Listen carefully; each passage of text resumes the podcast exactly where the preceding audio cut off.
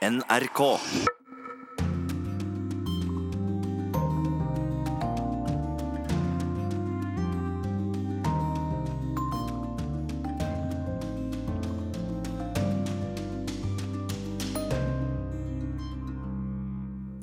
Velkommen til Urix på lørdag. De store og mektige møtes i Canada, men klarer G7-landene å bli enige, eller blir USA stående alene?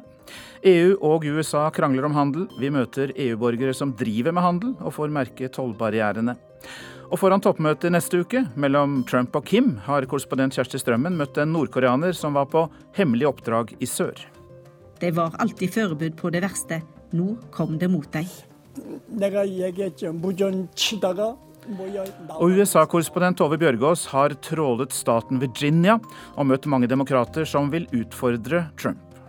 Vi er i Ashburn, i et av de heteste valgdistriktene i hele USA foran kongressvalget til høsten. Og I Egypt samles folket uansett politikk og religion om stjernespilleren Mohammed Salah foran fotball-VM i Moskva. Og det er nesten suspekt å gå tur uten hund, der USA-korrespondent Anders Magnus bor. Hør korrespondentbrevet om menneskets beste venn.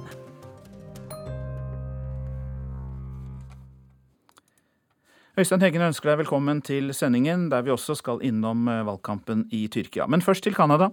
Der avsluttet altså i dag samtalene mellom statslederne fra G7-landene, og spørsmålet er om de klarer å komme til enighet om en felles slutterklæring.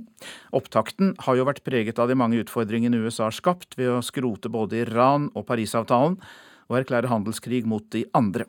Utenriksmedarbeider Charlotte Bergløf, du har fulgt med på dette på morgenen, og hvordan har det gått så langt? Jo, statslederne de har jo nå sittet ansikt til ansikt rundt eh, forhandlingsbordet på dette slottet to timer nord for Quebec, og samtalene beskrives som ærlige og direkte etter denne meget hete opptakten. Eh, Trump har jo kastet hele forumet ut på dypt vann ved å skrote både Iran og Parisavtalen, og hans påstand om at de nye tollsatsene er nødvendige for rikets sikkerhet, provoserer jo enormt. Eh, det mest konkrete av nyheter fra møtet så langt er at Tysklands Angela Merkel skal være i gang med å opprette et forslag til ny dialog med USA om handel. Og der er fokus om å enes om statistikken, slik at USAs argumenter om at de behandles veldig urettferdig i internasjonal handel, kan møtes med relevante fakta. Og så har det også vært snakk om både G8 og G7 G6 pluss de siste dagene. Hva dreier det seg om? Jo, eh, G6 pluss 1. Eh, først eh, G8. Det ble jo G7 etter at Russland annekterte Krim i 2014. De siste dagene har de blitt snakket om G6 pluss 1 pga. USAs stadig mer isolasjonistiske linje. Og så i går tok jo Trump til orde for å invitere Russland tilbake og bli G8 igjen, men det er foreløpig avvist av de andre. Så hvilken G det blir, det er litt i det blå. Eh, kan vi forvente en slutterklæring da fra møtet nå?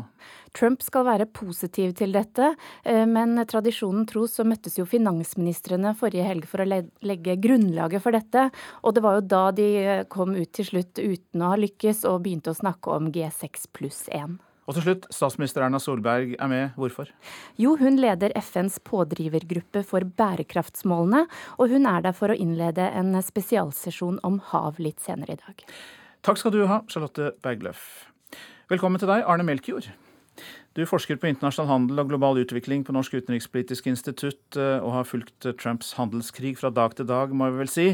Og eh, hva er din første reaksjon på det du hører her eh, fra Charlotte Bergløff og oppsummeringen etter eh, G7 så langt? Ja, Det er jo veldig paradoksalt at det som skulle være på en måte kjernen i det, den liberale verdensordenen, eh, kjekler slik man ser nå på G7-møtet. Eh, Trump har jo gått hardt ut. Det er mange måte, selvmotsigelser og inkonsistenser i amerikansk politikk. De snakker med flere tunger, de går, inngår avtaler med Kina en dag, endrer den neste. Men, eh, men, kjernen i det er at Trump gjør det han lovet i valgkampen. Han skulle rive i stykker eh, de internasjonale handelsavtalene. Og pluss at uh, han da ikke respekterer reglene i Verdens handelsorganisasjon, innfører tiltak mot andre som de da selvfølgelig reagerer mot. Hva tror du om utviklingen for verdenshandelen og avtaleverket rundt den i tiden som kommer? Ja, det er jo slik at uh, at USA under Trump beveger seg på kanten av det internasjonale regelverket. De andre landene har reist mange klagesaker allerede i Verdens handelsorganisasjon. Eh, ståltollen er innført. Tollen for Kina er verre og mer alvorlig enn det, omfatter mer av verdenshandelen. Eh, det er trusler om å innføre toll på biler, som er langt viktigere enn stål i verdenshandelen. Så det vil være enda mer alvorlig. Du blir med oss videre. Vi skal til eh, Europa og høre mer om forholdet mellom Trump og EU, som blir stadig mindre kjærlig. Den amerikanske presidenten ønsker da å endre både spilleregler og etablert global sedvane, og eh, blir ikke lenger eh, møtt med forbløffelse, men med frustrasjon, rapporterer vår europakorrespondent Philip Lote. Og det ikke bare hos EU-ledere og regjeringssjefer, men også hos de som har sitt daglige virke i det indre marked. I think it's not healthy. I think we have to help each other with export and import. Det er ikke sunt, sier Oliver, som sitter i ledelsen i en større restaurantkjede i Belgia. Han mener USA har varer Europa trenger, og at Europa har varer som USA trenger, som ost og vin. So it's a little bit stupid to make a war about trade because it affects a lot of people. På ringveien rundt Antwerpen konkurrerer personbiler med de mange vogntogene om plassen. Trafikkmaskinen knytter sammen havnene i Rotterdam og Antwerpen med fergeforbindelser og tunneler til Storbritannia i Calais. I løpet av et par timer kan varer fraktes til byer som Köln, Amsterdam, Lille, Luxembourg og Paris. Det er et indre marked med over 500 millioner innbyggere som den amerikanske presidenten har hisset på seg, samtidig som han skal sette seg ned med de mektigste av disse innbyggernes regjeringssjefer på G7-møtet i Canada. Eh, det er klart at USA har i dag en annen politikk enn de har hatt tidligere. Eh, og mange av de tingene som Trump gjør nå, har han jo tidligere også sagt at han ville gjøre i valgkampen. Men det er klart, det forandrer verdensbildet vårt. For det at vi før har vært opptatt av at vi får flest mulig løsninger i multilaterale organisasjoner. Nå svekkes de multilaterale organisasjonene. Det er synd, for det er veldig viktig, særlig for sånne små land som Norge.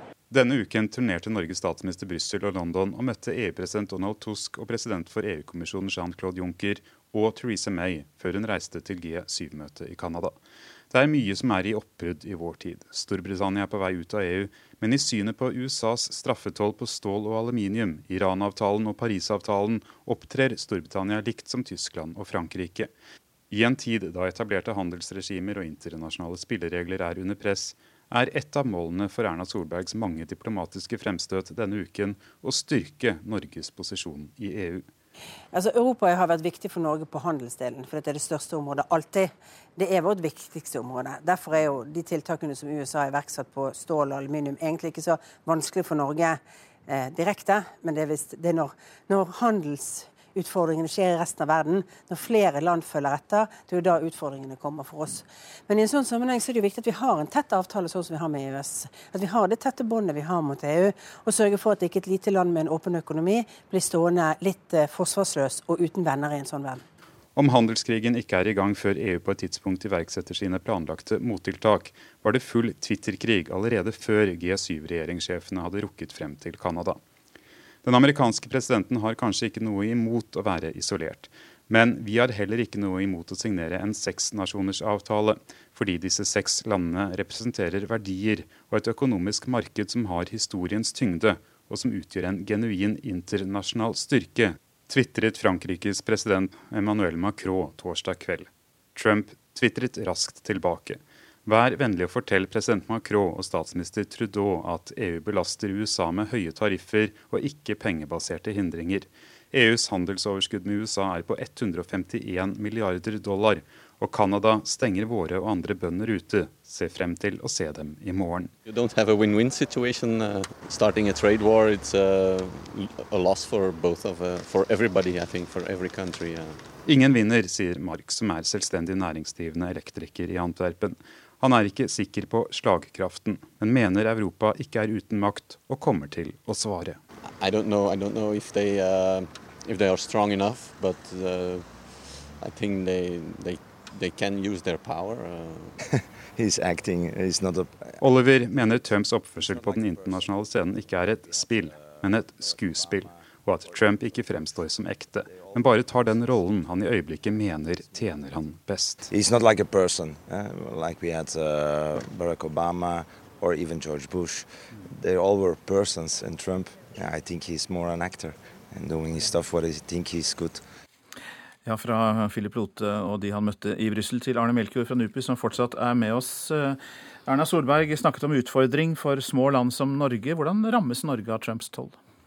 Ja, Norge rammes jo for det første unnskyld, det er direkte gjennom at, at ståltollen rammer norske eksportører. Men den eksporten er ikke veldig stor, selv om det er over 100 millioner og var mer for et par år siden. Så er det slik at, eh, at, dette har jo ringvirkninger i den globale økonomien. og da F.eks. så innfører EU og Tyrkia vurderer også innføre generelle tiltak på stål og, de, og, aluminium, og de kan da ramme Norge. og Da er det da viktig, som Solberg har fått løfte om, at, at Norge blir unntatt fra eventuelle tiltak fra EU. Den tredje virkningen er jo på systemet. da, At som et lite land så har Norge interesse av på en måte rettssikkerhet, og ikke den sterkestes rett. Hmm. Kommer Norge til å svare, altså gjøre som EU og innføre toll eh, mot USA? Eh, da tiltakene ble lansert i mars, så sa jo utenriksministeren at man ville være stille i båten. Og det har ikke kommet noe nytt etterpå. Da. Det kan jo merkes at uh, altså Norge har jo større import av stål fra USA enn eksport til USA. Så, så hvis man skulle noen gang vurdere det, så vil jo det være en idé. Nå er jo altså Solberg på eh, reise rundt i Europa for å få støtte der. Hun er på G7-møte, hørte vi.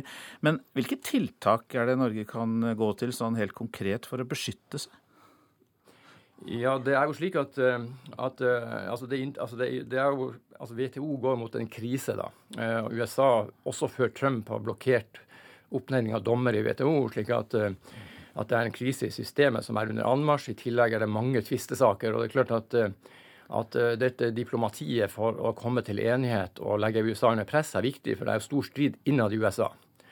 Og det er på en måte et, eh, et, et prosjekt som må ende i grøfta en gang, og da er det inn, altså kreftene innad i USA viktige. og, derfor, og så, ja, så Norge må jobbe for å støtte systemet på linje med andre land. Altså WTO-systemet, altså det verdens handelssystem? Verdens handelssystem, yes. Ja. Men så innfører jo også Trump en rekke tiltak mot Kina, og det har han jo mer forståelse for i EU. Vi snakker jo da om at Kina har ignorert beskyttelse av åndsverk, det som kalles intellectual property. Rappet vestlig teknologi. Gjør ikke der Trump en jobb på vegne av flere? Ja, Det er jo veldig legitimt å ta opp dette med Kina. Og, og, Det er jo enighet mellom USA og mange europeiske land om at det på en måte fortsatt er svakheter i det kinesiske systemet. F.eks. At, at selskaper som investerer i Kina, blir tvunget til å gi fra seg teknologi. På den annen side så har jo WTO-avtalen gitt USA det de trenger for å ta opp eh, dette med patentrettigheter. Og Kinas system er kraftig forbedret eh, gjennom de siste år. Mange land har har fått et bedre system. slik at eh, det europeiske synet er at dette kan løses i familien, og ikke ved å gå til handelskrig. Ja, men hva mener man med det? Det kan jo hende at uh, Trump ved å presse hardt uh, fram til en frist de vel har om ikke så lenge for å komme til en avtale med Kina, oppnår mer enn å gå rundt i disse korridorene i de internasjonale handelsorganisasjonene? Ja, altså I disse korridorene kan man jo gjøre mange ting. Man kan følge reglene, man kan be om konsultasjoner, og man kan inngå allianse med andre land. Og Arbeidet i disse korridorene har jo allerede ført til betydelige eh, endringer. Da. Så Kina har endret sitt system kraftig. I løpet av de siste dagene så har vi fått en overraskelse. altså Trump har jo reddet et kinesisk teknologiselskap, ZTE, fra straffetiltak som ble innført av Trumps eget handelsdepartement. Og Samtidig så langer han jo ut med tweets og andre ting mot eh, Kina. Hvilken logikk er det da som driver USAs president? Ja, Man kan spørre, da, fordi at USA har jo snudd på hælen et par ganger i forhold til Kina. Og, og noe av problemet med, med USAs handelspolitikk under Trump det er jo at uh, han er på en måte solkongen i dette, men det er mange aktører som har litt forskjellige syn. Og han har jo rensket ut mange av de mer moderate. Men likevel så har det jo vært sånn i forhold til Kina at finansministeren gikk ut og avlyste handelskrigen eh, 18. mai. Og en, en, drøy uke etterpå gikk en rådgiver i Det hvite hus ut og sa at eh, finansministeren tok feil, tollen kommer likevel. Så andre, altså partnerne har problemer med å forholde seg til USA fordi ulike eh, folk sier ulike ting. Mange takk for at du kom. Arne Melkjord fra NUPI, og vi skal til USA, der mange er bekymret for handelsrestriksjoner også, og andre deler av Trumps politikk. Demokratene håper å vinne flertall i Kongressen i november, slik at de kan stanse Trumps agenda, og denne uka holder en rekke delstater nominasjonsvalg. Og det er rekordmange kvinner som har kastet seg ut i politikken, bl.a. i Virginia, der mange kjemper om å utfordre sittende amerikansk kongresskvinne i et av de heteste valgdistriktene. Kollega Tove Bjørgaas har trålet Virginias tiende valgdistrikt for å forsøke å finne ut i hvilken retning vinden blåser.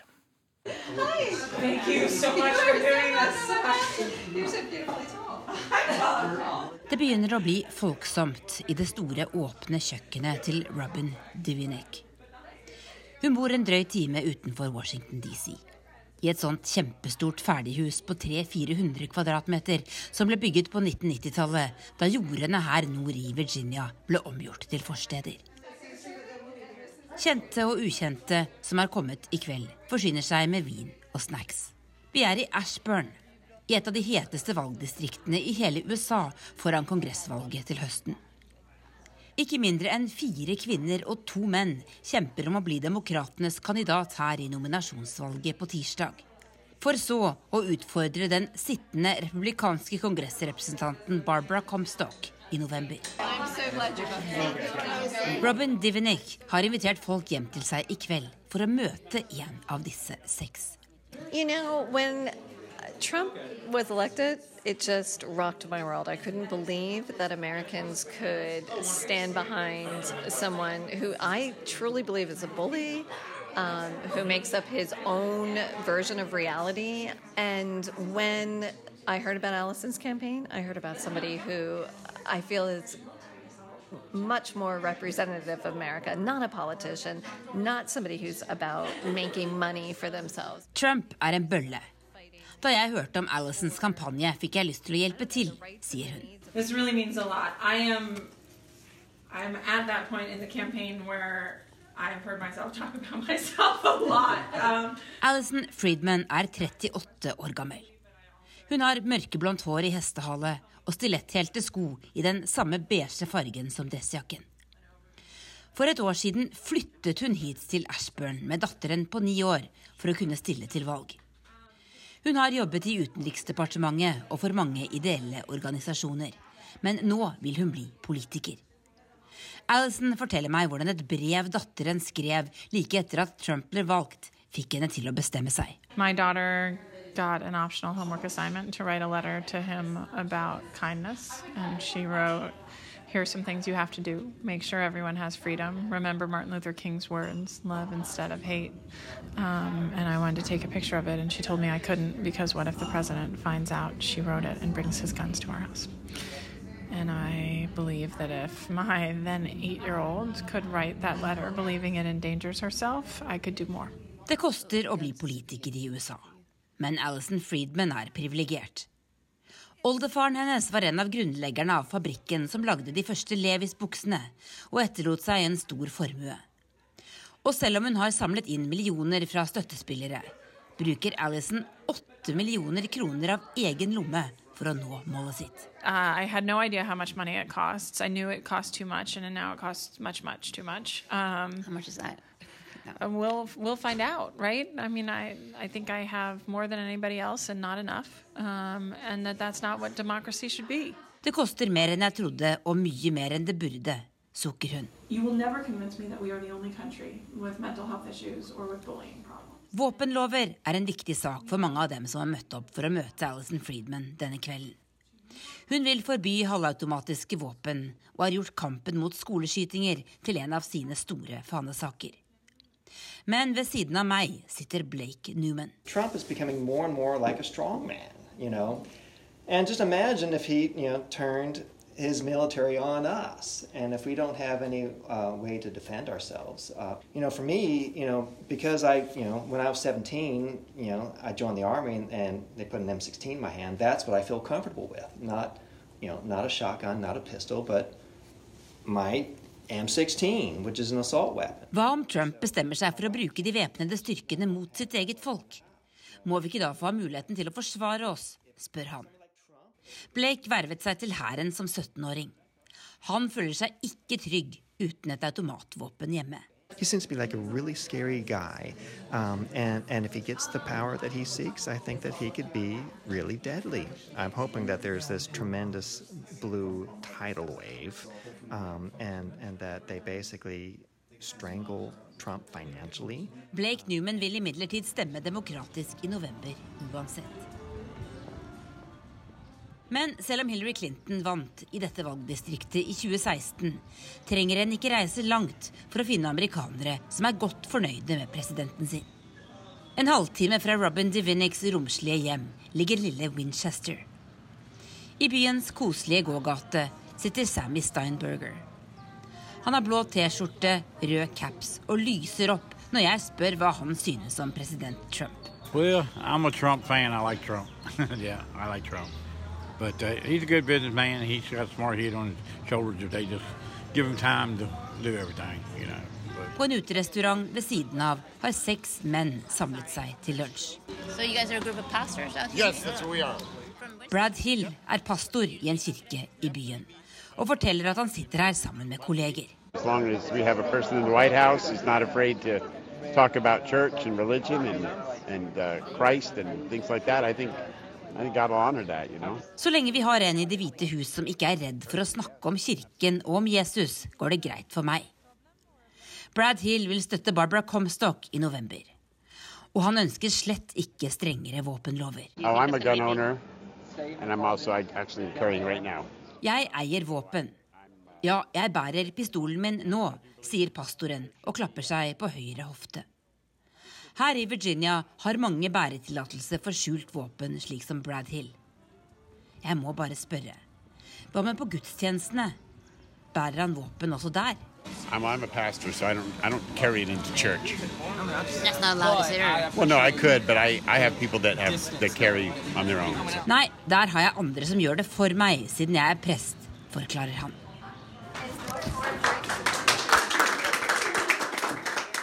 Tilbake i stua til Robin Divinic har Alison Friedman svart på spørsmål i halvannen time. Det er bare et par dager igjen til hun får vite om investeringen på 8 millioner kroner vil bidra til seier over fem andre demokrater. Og først i november vet hun altså om hun vil kunne ta plass i kongressbygningen i Washington og ta fatt på det hun håper vil bli en lang politisk karriere. I got into this race on the belief that this was a not typical time in our country and that there was an appetite for somebody who would show up to solve problems. And that's what I've tried to do over the course of this campaign, and we'll see if it works next Tuesday.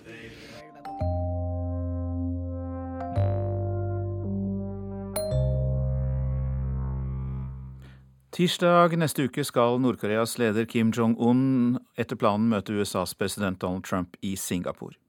Nå håper 19 nordkoreanske spioner og deres hjelpere at det kan føre til at de kan vende hjem. Etter flere tiår i fengsel ble de sørkoreanere. Men lojaliteten og hjertet er fortsatt i nord. Vår Asia-korrespondent Kjersti Strømmen gir oss historien om det siste farefulle oppdraget til en av dem. 마지막 이 임무가 그러니까 62년도 Park Hye-sung var på vei sørover fra Nord-Korea sammen med et mannskap på tre på et farefullt oppdrag. Han var sliten og trong virkelig søvn, men det fikk ikke hjelpe. Oppdraget måtte bli utført. Han hadde prøvd å lade opp batterier på dagen, men med en baby i huset var ikke det lett. Neste dag nådde de øya Kokwa-do, der de venta til det ble mørkt.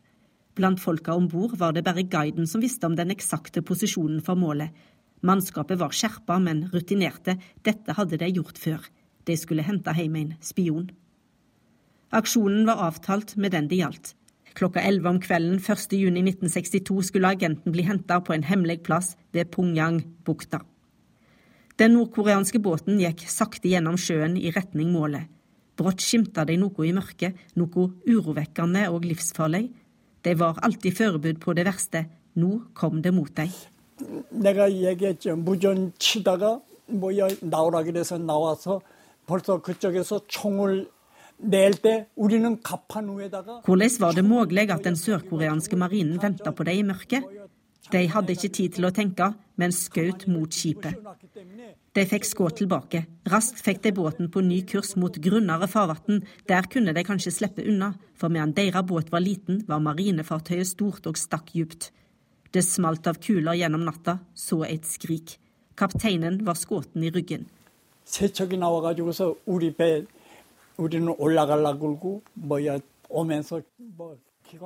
Nesten samtidig kom braket. Båten var gått på grunn. Pakk og de tre andre av mannskapet hoppa ut av båten. I farten fikk Pakk med seg skytevåpen, flere kniver og to granater. Dessuten hadde han på seg radiosenderen og et svært viktig papir med hemmelig budskap. Han visste ikke hva innholdet var, bare at fienden ikke måtte få tak i det.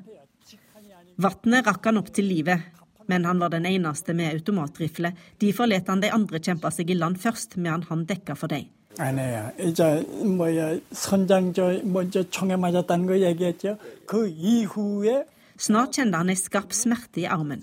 Kula gikk rett gjennom beina og knakk armen på han. Med skeiv arm var det umulig å skyte mer. Han beit tenna sammen og kom seg nærmere land. Der gjemte han geværet og det viktige papiret, under sanden, under vannet. Han begynte å krype langs bredda, da gikk det opp for han at guiden var skutt. Han lå og flaut i vannet og dreiv ut mot havet. Nå handla det om å redde seg sjøl. Bakken var mjuk og slukte føttene hans. Han prøvde å reise seg, men klarte ikke å springe eller å gå, så han halvt fram med å krype.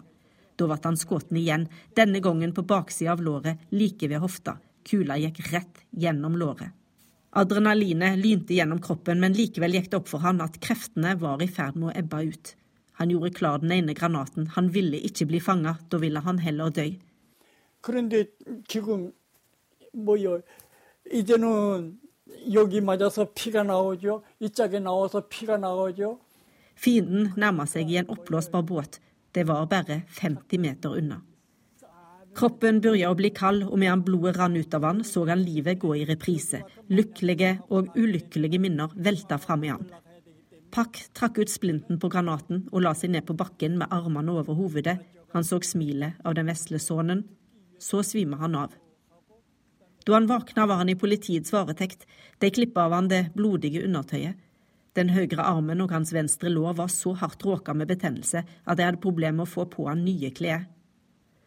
Han tror sanden på stranda redda livet hans, at den kom inn i såra og stansa blødingene.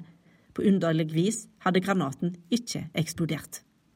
Han mener spionen må ha sviket mannskapet på båten ved å informere sørkoreanerne om hvor og når de skulle møtes, og kanskje fikk spionen sin fridom i bytte.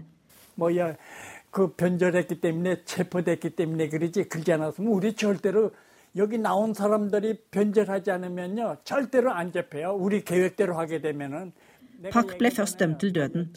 Etter et halvt år ble straffa gjort om til livstid. Han satt 27 år i sørkoreansk fengsel. Nå er han 84 år og voner han blir sendt hjem til høsten. Men først når datoen er satt, ønsker han å få vite mer om familien. Han mener at når han kommer tilbake til nord, må han rapportere til styresmaktene. Han må fortelle dem at det slett ikke var hans feil at oppdraget feiler.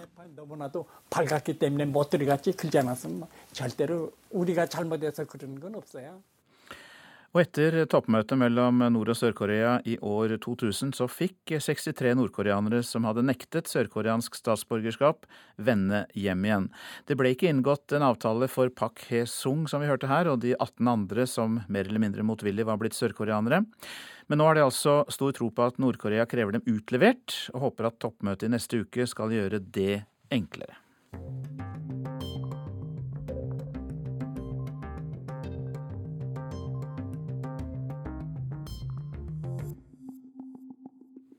Mange gleder seg til torsdag neste uke, for da starter verdensmesterskapet i fotball i Russland. For 90 millioner egyptere er det ett stort spørsmål som gjelder. Blir stjernespilleren Mohammed Salah klar i tide? Han er skadet nå, men han er mannen som har greid å få Egypt til å samle seg om fotball. Jeg heter Mariam Kirollos, og jeg er menneskelige rettigheter-researcher. Jeg er fra Egypt. استتر صلاح وايجيبت وليفربول بسم الله الرحمن الرحيم. بسم الله الرحمن الرحيم. محمد صلاح والدموع. محمد صلاح. اتور دي أن اوف دي بيست ايبليك اي ليفر كونغو سكورت اوت مينوت تانكت تنكت فيس كوم ايك فيدر تي ال في ام بلس لي فيك في ان بينالتي شوت محمد صلاح محمد صلاح وهوبا الله الله الله يا بلادنا الله Og Mohammed Salah skåret 95. minuttet. Og da blir vi kvalifisert til VM for første gang siden 1990. الله اكبر الله اكبر الله اكبر Hvor var du da denne kampen utspilte seg? Eh, Jeg var på eh, Tøyen, på eh, sofaen min. da sa jeg på kampen, og jeg ropte akkurat som kommentatoren. Og begynte å si Allahu akbar, og jeg var så redd at noen skal ringe politi. Eh, og jeg, eh, jeg, jeg, til nå blir jeg rørt, for det var veldig sterk øyeblikk. Og for da- de av oss som ikke kanskje er så inne i egyptisk landslagsfotball, så er det altså snakk om den avgjørende VM-kvalifiseringskampen mellom Egypt og Kongo. Ja. Alle gråt på TV. Man kan si at alle gråter, og det har vært en um, drøm for mange. Jeg har aldri sett på VM. Jeg var født i 1990, så jeg aldri fikk se Egypt spille. Og jeg tror for de eldre, de gamle, jeg tror de vil også se Egypt spille i VM før det blir altfor sent. og um, den øyeblikk at Mohammed Salah det, bare, det var helt flawless at han fikk denne mål på 95. minutt. Det ble helt, um, helt magisk følelse. Mm. Men, men Miriam, når Egypt spiller landskamp i fotball, i hvert fall en viktig kamp, hvordan ser det ut i Kairos eh, gater da? Um, du kan bare tenke deg at en by av eh, 20 millioner innbyggere, eller på dagtid kanskje 23 millioner, plutselig blir eh, Bare for å gjøre det mye enklere, fra huset mitt til pyramidene, la oss si, vanligvis kan ta tre timer med trafikk. Det, når Egypt spiller, det kan være 15 minutter. um, og så det er at alle gatene er tomte, folk sitter på kafé eller uh, uh, hos eh, venner. Det er alltid så Alle utesteder er veldig fullt av folk som bare De er enige om en ting. Endelig. Og det er uh, at vi vil at Egypt vinner. Og så har Det har vært mange, mange nedturer, som du sa, men så dukker da denne eh, Mohammed Salah opp. Eh, han har jo ikke vært ukjent fram til i år, men med dette straffesparket og den fantastiske sesongen han har hatt i Liverpool, så har han jo blitt eh, en verdensstjerne. Og, og kanskje Egypts største stjerne siden eh, Om Kalsum og ja. Gamal Abdel Nasser, tenker jeg da. Ja. Det er sant. Og eh, også det morsomt at du sier det, for det er ofte um, ganske farlig når du er så populær i et land som Egypt. Men Mohammed Salah til nå han, har, han er ekstremt populært at han fikk uh, masse stemmer på presidentvalget i året, og han var ikke en kandidat. Uh, Folk skrev navnet hans på stemmeseddelen, ja, rett og slett? Ja, de gjorde det. Og han er bare Hans bilder er overalt på gater i Kairo, utfra, utenfra Kairo. Han har liksom um, rett og slett sette Egypt tilbake på kartet for, med en helt annen mening, som ikke bare uh, ikke bare hva som skjer, eller hva Det er ikke, ikke med konflikt, ikke med corruption, men mer om ja, er du fra Egypt? Å, så hyggelig. Jeg liker Mohammed Salah og heier på Liverpool, eksempel. Og det gjør en stor forskjell for oss. For Egyptene siden 2011 Alt håp vi hadde i landet, har blitt skadet. Og da, da Mohammed Salah ble skadet i den siste Champions League-finalen det, det, sånn, det, det, var så forventet på et måte, for vi kan aldri være glad fra A to Z. Det er alltid noe som skjer. Uh, enten uh, noen blir skadet, eller en military coup, eller ikke sant? Si se refieren al, al, sistema táctico o al juego, creo que Salah para nosotros ha sido un jugador importante. Men sånn som nå, eh, hvor mye oppmerksomhet er det knytta opp mot eh, Salah og hans eh, skade i egyptisk media eh, blant egyptere? Altså, vi snakker om det hele tiden, og jeg, jeg, jeg leste en artikkel kanskje en dag etter kampen at det var en egyptisk advokat som hadde lyst til å så Real Madrid for en billion noen ting før, og reason er for inflicting psychological harm on the Egyptian people. og det her Det er typisk egyptisk, da. ja. Og det, det, ja, ja, så jeg følte skadet, men ikke så, så skadet. men nå at Egypt er i VM, jeg tror det Alt er borte. Ikke sant? Man tenker ikke på religion eller Det er Jeg tror vi har aldri vært enige om en ting i hele historien før nå. At OK, alle støtter Egypt uansett.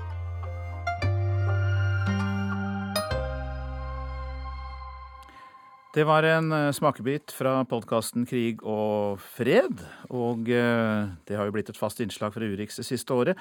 Ukas spesialepisode fra Tore Moland og Sigurd Falkenberg Mikkelsen handler altså om politikken rundt fotball-VM. Og den kan du finne i full lengde på nrk.no, eller der du ellers hører på podkaster. Nå lytter du til Urix på lørdag på radio, eller kanskje via en mobiltelefon eller et nettbrett.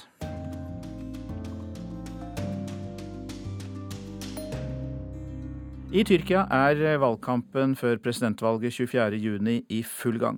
Men ikke alle kandidater slipper til i mediene, siden regjeringspartiet AKP kontrollerer 97% av avisene og TV-stasjonene.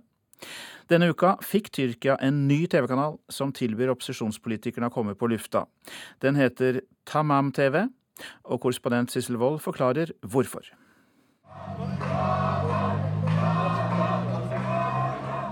Tamam, roper en gjeng unge tyrkere. Vi ser dem riktignok bare på en storskjerm i en park i Istanbul. Opptaket som vises, er fra en markering da ordet 'tamam' tok fyr som emneknagg på Twitter sist måned. Da hadde akkurat president Erdogan sagt i en tale om folket mitt sier 'tamam', nok, skal jeg tre til side, altså gå av. Det tok ikke mange timene før hundretusener, ja til slutt et par millioner, tvitret tamam, det er nok nå, Erdogan. I denne parken venter folk spent foran det hvite lerretet. For nå i kveld skal en ny alternativ TV-stasjon, inspirert av Tamam-stormen på Twitter, ha premiere. Vi står sammen med en 30-40 mennesker som er samlet i yoghurtmakerparken på Asiasiden i Istanbul. De er fra Tyrkias venstre side, de som for fem år siden demonstrerte i Gezi-parken. Alle er spente. Ali Ergen Demirhan er travel. Han håper nettet holder, slik at kanalens første sending kan gå på lufta. Dette er et alternativ, fordi mediene nesten ikke viser noe om valget fra opposisjonens side. Det er derfor vi er her, både for å få frem opposisjonens stemmer og for å si tamam, sier Demirhan, en av organisatorene bak Tamam-TV. En gruppe politifolk har akkurat ankommet i en hvit buss. De tar oppstilling ved inngangen til parken foran en enorm, svart pansret politidoning. Det er tid for premiere på den nye TV-kanalen. Den første som tar mikrofonen, er en ung parlamentskandidat for CHP, det største opposisjonspartiet. CHPs presidentkandidat Moharem Inja slipper riktignok til på et par kanaler. Men dekningen er liten sammenlignet med den president Erdogan og hans parti AKP får. Transparency International har sett på sendetiden. Tyrkias nasjonale kringkaster TRT ga de forskjellige presidentkandidatene i sine nyhetssendinger i løpet av mai.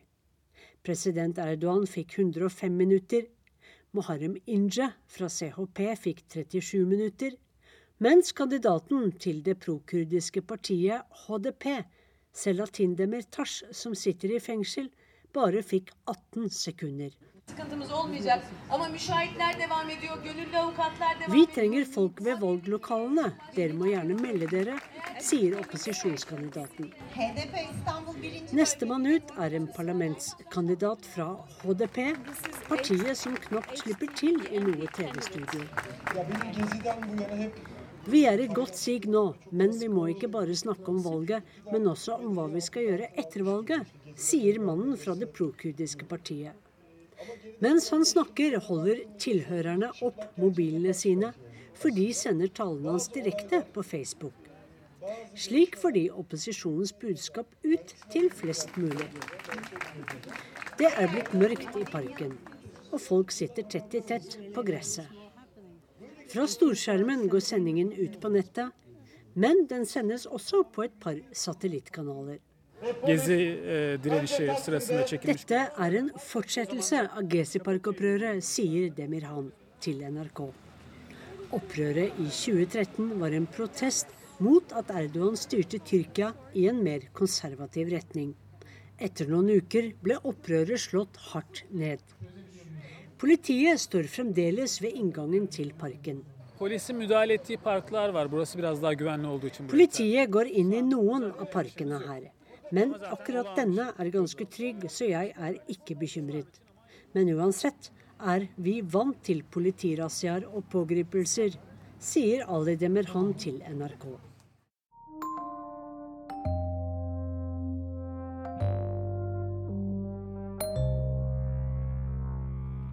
De siste minuttene har vi hørt fra Tyrkia og Egypt, som først og fremst er islamske land, om fotball og en ny TV-kanal, og det skapte vel ikke akkurat frykt hos oss. Men frykten for islam, den er der, sier den amerikanske medieprofessoren Stuart Hoover. Han mener at mye av frykten kommer fra oss, journalistene, som skaper skremmebildene. Reporter Tom Christiansen har møtt Hoover, som uh, sier at det også er flere som kan bebreides enn journalistene, også hans egen president. I think Islam hates us. There's something, there's something there that there's a tremendous hatred there. There's a tremendous hatred. We have to get to the bottom of it. There is an unbelievable hatred. President Donald Trump sprer ideen om at muslimer hater, og han hater oss, altså det amerikanske folk. Slik planter han ideen om at det foregår farlige ting i muslimers sinn, dem du treffer på gata eller i nabolaget. Professor Stuart Hover sier at journalister i sin nyhetsformidling tar noen snarveier. I think the, uh, the easy way to cover Islam is to cover it through the lens of terrorism and through the lens of conflict. Uh, Media dekker terror og konflikter med aktører som er muslimer, og da blir det til at det er det som er islam, det de forkynner. Annen opplysning om den religionen kommer jo ikke, sier Hoover. So uh, this uh, this kind of very virulent anti-Islamic um, language publicly is uh, surprisingly rather new. It's it's not something. Det utvikler seg til et anti-islamspråk. Nye ord og begreper som vi ikke hadde i leksikon før. De kommer nå. Den religionen tegnes mer og mer i svart. Tidligere presidenter snakket ikke slik. Frankly, the prior presidents haven't done that as much. Even George Bush, who many of us had many criticisms of. Barack Obama snakket om islam med respekt. Faktisk også George Bush. Begge deltok i ramadanfeiringen, f.eks. Det gjør ikke han vi har nå. Stuart Hoover tenker på bombeangrepet i Oklahoma i 1995. 168 mennesker ble drept da kontorbygget for de amerikanske føderale myndighetene ble sprengt. Who was actually a Christian terrorist. He was someone who was doing this in the face of a certain kind of white nationalist, white Christian uh, uh, vision. Det var et av USAs verste terrorhandlinger, men det var en hvit terrorist som sto bak. En nasjonalist med en idé som sterkt ligner på Anders Behring Breiviks ideologi. Men han ble aldri kalt terrorist, en hvit kristen terrorist. Hvorfor er det slik? Stuart Hoover tror det skyldes journalisters kunnskapsløshet. De kan ikke religion, kjenner ikke begrepene, grupperingene, religionsgeografien, så de bare hopper over og tyr til klisjeer. While they're nervous about it, uh, they think of it as potentially controversial, they, uh, they stay away from it. And so for them to have a more uh, precise and correct language to use, a set of ideas about re- what religion is, it's just not there. And so, so, so that it's easy, easier for them to make, uh. Journalistene gjør jo nettopp det terroristene ønsker, å gi dem oppmerksomhet. Og terrorister vet hvordan de skal gjøre det, skape situasjoner som media ikke kan unngå å dekke, så spektakulært som mulig. The movements and groups have figured out how to exploit journalism. They have figured out how to exploit journalism's tendency to go where the biggest noise is and, and look in the direction of the most striking story. Institutt for medier og kommunikasjon på Universitetet i Oslo har gjennomført et stort skandinavisk forskningsprosjekt om hvordan mediene bidrar til å forme folks holdninger til religion. Særlig islam presenteres i konfliktsammenheng og blir overdekket i forhold til andre religioner. Prosjektlederen, professor Knut Lundby, sier at det gir konsekvenser. Det gir et bilde av islam som eh, knyttes til konflikt og til terror, som du sier, og et veldig unyansert bilde, først og fremst. Fordi islam er en stor religion. Det er mange retninger, akkurat som i kristendommen. Og alle disse nyansene blir jo borte. Og for de som da selv er muslimer og kjenner at uh, de gjenfortelles eller presenteres på en måte som slett ikke er deres eh, virkelighet, så er det klart at dette er eh, vanskelig. Og gjør det vanskeligere også å bli integrert i det norske samfunnet, i den grad det er Norge dette handler om. Fordi omgivelsene vil i veldig stor grad oppfatte dem nettopp ut fra de medierapportene som de hører. Det er ikke alle som kjenner muslimer av egen eh, omgang. Slik at mediebildet blir veldig viktig for hvordan folk oppfatter en religion som for mange er ny i omgivelsene. Professor Knut Lundby fra Universitetet i Oslo til slutt der. Ukens korrespondentbrev er fra USA-korrespondent Anders Magnus om menneskets beste venn. Når orkaner herjer, hus rives i stykker og boligområder oversvømmes, får TV-titterne etter hvert se de stolte historiene om hvordan folk blir reddet fra vind og vannmasser. Men enda mer rørende er reportasjen om heltemodige redningsmannskaper som bringer hunder og andre husdyr i sikkerhet. Her i USA er hunden i høyeste grad å regne som et familiemedlem. Veldig ofte det mest elskede av dem alle. Derfor er hundehistorier på TV noe de fleste har et følelsesladet forhold til. Det jubles når hunder reddes, mens den kollektive sorgen er desto større når noe går galt. Og i verste fall ender det med en død hund. Elleve år gamle Sofia og mammaen hennes hadde med seg hundevalpen Coquito da de fløy fra Houston til New York. Den vesle bulldoggen var i en tøybag for hunder og plassert mellom føttene foran stolsetet. Rutinemessig beordret flyvertinnen passasjerene om å legge bagasjen i hattehyllen men oppe i hyllen skulle vesle Coquito lide en grusom skjebne. Klemt til døde av tunge og harde kofferter som deiset mot den tynne tøybagen ved avgang og ankomst. Intet øye var tørt da historien ble kjent, heller ikke blant lovgiverne på Capitol Hill i Washington. Nå ville de ha gjort noe med problemet. Hunders vanskjebne om bord på fly ble ytterligere aktualisert av at samme flyselskap feilsendte schæferen Irgo. Den skulle fra Oregon på vestkysten til Kansas City. Men da eieren dukket opp på flyplassen, var det ingen hund å hente. Irgo hadde i stedet blitt sendt på et fly til Japan. Denne historien endte godt, men et par senatorer i Kongressen ville likevel ha ikke bare nye regler, men en helt ny lov. Woof kalte de den. Welfare of Our Furry Friends-loven. Woof i en serie Twitter-meldinger forklarte senator John Kennedy bakgrunnen. Lovforslaget vårt vil forby plassering av levende dyr i hattehyllen, og det blir bøter for dem som bryter loven, skrev Kennedy. Han fortsatte. På mange måter er hunder slik folk burde være. Det som skjedde om bord på dette flyet var fryktelig og må aldri skje igjen. Å måtte lovfeste vanlig anstendighet er ikke noe jeg gjør med glede, men ved Gud, jeg kommer til å fortsette til de tar dette alvorlig. Kjæledyr er familiemedlemmer, understreket den republikanske senatoren fra Louisiana. I mitt nabolag ser jeg disse familiemedlemmene hver eneste dag.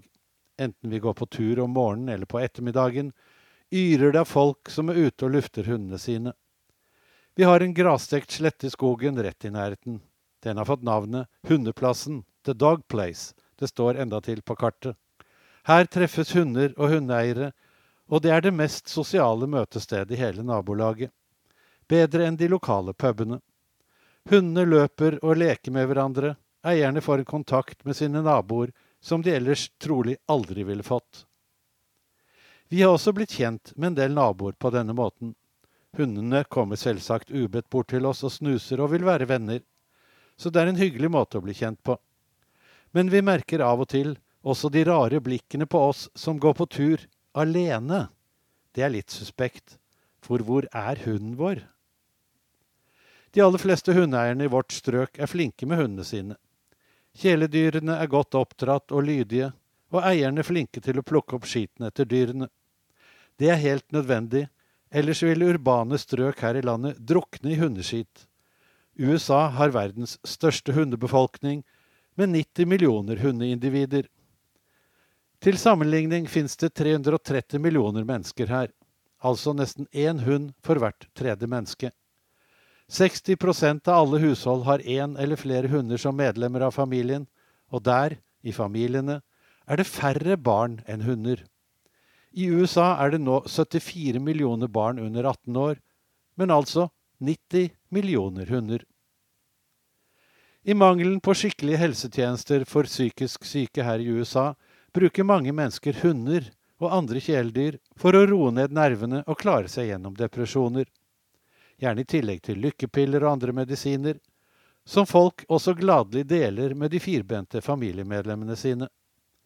Nesten 10% av alle hundeeiere gir dyrene sine psykiatriske medisiner som skal hindre problemer med depresjon, aggresjon, fobier og uro hos hundene, altså.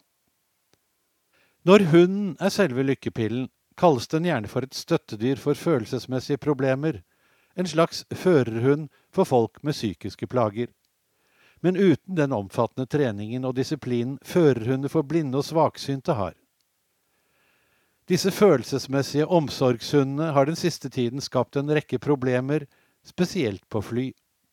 Tenk deg at du har en medpassasjer med en relativt stor hund på fanget som skal gi følelsesmessig omsorg for eieren under flyturen. Men deg har den ikke mye til overs for. Plutselig har du hunden i strupene og i ansiktet, en svær kjeve med skarpe tenner som tygger i stykker ditt gamle utseende. Det skjedde Marlin Jackson da han i fjor sommer tok et fly med selskapet Delta Airlines fra Atlanta til San Diego. Angrepet fra hunden førte til at en sterkt blødende Jackson ble brakt til sykehus med ambulanse. Der fikk han 28 sting i ansiktet, men de svære arrene må han ha omfattende plastikkirurgi for å bli kvitt. Andre passasjerer og flykabinansatte forteller om mindre farlige forstyrrelser, som når omsorgshundene skiter i midtgangen eller sperrer for flyvertenes serveringsvogner, katter som tisser i setene, eller til og med ender som vandrer fritt omkring. Selv for amerikanerne ble det imidlertid litt for mye da en passasjer forsøkte å få med seg en påfugl om bord, som omsorgsdyr. Påfuglen Dexter ble nektet ombordstigning i Newark, bl.a. fordi flyselskapet mente den ikke fylte kravene til vekt og størrelse. Skuffet måtte eieren innse at hun i stedet var tvunget til å kjøre til Los Angeles med den svære fuglen. Oppstyret rundt Dexter på sosiale medier førte til at en rekke flyselskap nå har innført, eller vurderer å innføre, strengere regler for omsorgsdyr på fly. Selv om man må ha erklæring fra lege for å kunne ta med seg et slikt dyr, er det lett å få tak i falske dokumenter for slikt på internett. En av årsakene til innstrammingene er den eksplosive økningen i omsorgsdyr i lufta. Flyselskapet Delta fraktet 250 000 slike dyr i 2016, en økning på 150% fra året før. Og de fleste av dem er selvsagt hunder. En annen diskusjon som har tatt fyr i sosiale medier, er om dyr blir behandlet mye bedre enn mennesker i USA. En av elevene ved den videregående skolen Marjorie Stoneman Douglas i Parkland, Florida, sammenlignet spydig de folkevalgtes forslag om beskyttelse for hunder på fly med den manglende beskyttelsen hans medelever hadde hatt da en angriper drepte 17 ungdommer på skolen med riflen AR-15. Senatorer, skrev Cameron Kasky. Hvis de 17 modige elevene ved min skole som mistet livet da de ble skutt med automatrifle, i stedet hadde vært hunder på et fly, ville dere da endelig begynt å snakke om våpen? Men senator Kennedy ville ikke snakke om strengere våpenlover. Han er sterk motstander av enhver begrensning i retten til å eie alle slags pistoler, revolver og rifler, også halvautomatiske angrepsrifler. Jeg tror ikke vi trenger flere lover om våpenkontroll, sa John Kennedy da han ble intervjuet av CNN rett etter Parkland-massakren. Ikke en eneste en, spurte programlederen. Nei, jeg tror vi trenger mer idiotkontroll. På sosiale medier var det etter hvert mange som mente at Kennedy selv var en av idiotene, særlig fordi han lanserte lovforslag om forbud mot hund i hattehyllene, på samme dag som elever over hele USA marsjerte ut av skolene sine for å minnes de døde ved Parkland. Reaksjonene var mange, annet denne twittermeldingen fra Cheryl Reader. Var det hunder som hadde blitt meiet ned med automatrifler, hadde vi øyeblikkelig fått strengere våpenlover. Garantert. Hvordan har det så gått med skoleelevenes krav om strengere våpenlover? Fint lite, som det pleier. Når kruttrøyken har lagt seg, er det få politikere som vil bruke mye tid på et så kontroversielt tema. Heller ikke president Trump, som rett etter massakren snakket engasjert om strengere lover og regler. Så glemte han visst det hele, og stilte i stedet opp som hovedtaler ved landsmøtet til den mektige våpenorganisasjonen NRA. Hva skjer så med lovforslaget WOOF, med forbud mot hunder i hattehyllen? Det ligger klart til å behandles i Senatets transportkomité, og har en større sjanse for å bli vedtatt enn strengere våpenlover. Anders Magnus ga oss ukens korrespondentbrev. Teknisk ansvarlig i dag Hanne Lunås, produsent Ingvild Ryssdal. I studio Øystein Heggen. Du har altså lyttet til Urix på lørdag, og du kan hente flere av våre sendinger på radio nrk.no. Et eh, skattkammer av god radio.